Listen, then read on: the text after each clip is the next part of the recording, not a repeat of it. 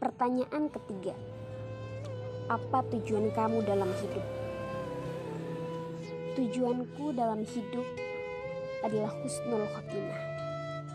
Karena pada akhirnya, sehebat apa pun kamu, sekuat apa pun kamu, sesukses apa pun kamu, sekaya apa pun kamu, secantik apa pun kamu, seganteng apa pun kamu, sepintar apa pun kamu, secerdas apa pun kamu secerdik apa pun kamu, sejenius apa pun kamu, sepopuler apa pun kamu, sebertalenta apa pun kamu, semulti talenta apa pun kamu, dan seberkuasa apa pun kamu di dunia ini, pada akhirnya akan berpulang juga pada Yang Maha Kuasa.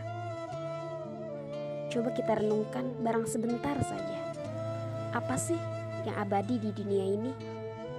Dunia hanyalah fatomorgana hal yang teramat semu dan fana.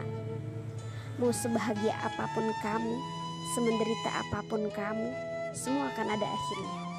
Maka dari itu, Khalifah Umar bin Khattab pernah berkata, bersama 10 orang aku menemui Nabi Shallallahu Alaihi Wasallam. Lalu salah seorang di antara kami bertanya, siapa orang paling cerdas dan mulia wahai Rasulullah? Nabi menjawab, orang yang paling banyak mengingat kematian dan paling siap menghadapinya. Mereka itulah orang yang cerdas.